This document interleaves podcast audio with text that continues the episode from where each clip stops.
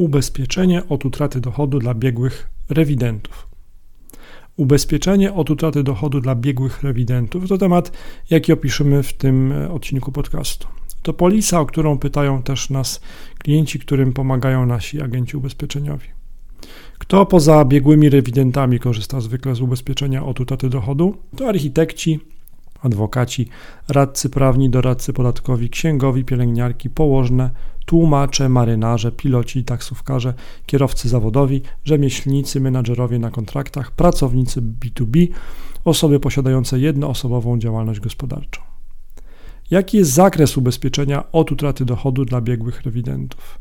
Zakres polisy od utraty dochodu dla biegłych rewidentów to ubezpieczenie utraty dochodu dla biegłych rewidentów na wypadek nieszczęśliwego wypadku lub choroby, ubezpieczenie wyłącznie o charakterze ochronnym, śmierć biegłego rewidenta w następstwie nieszczęśliwego wypadku, całkowita trwała niezdolność do pracy biegłego rewidenta wskutek nieszczęśliwego wypadku lub choroby, całkowitej niez okresowej niezdolności do pracy biegłego rewidenta wskutek nieszczęśliwego wypadku lub choroby.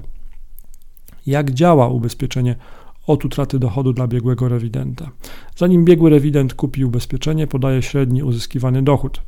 Biegły rewident podpisuje umowę ubezpieczenia od utraty dochodu i wpłaca składkę.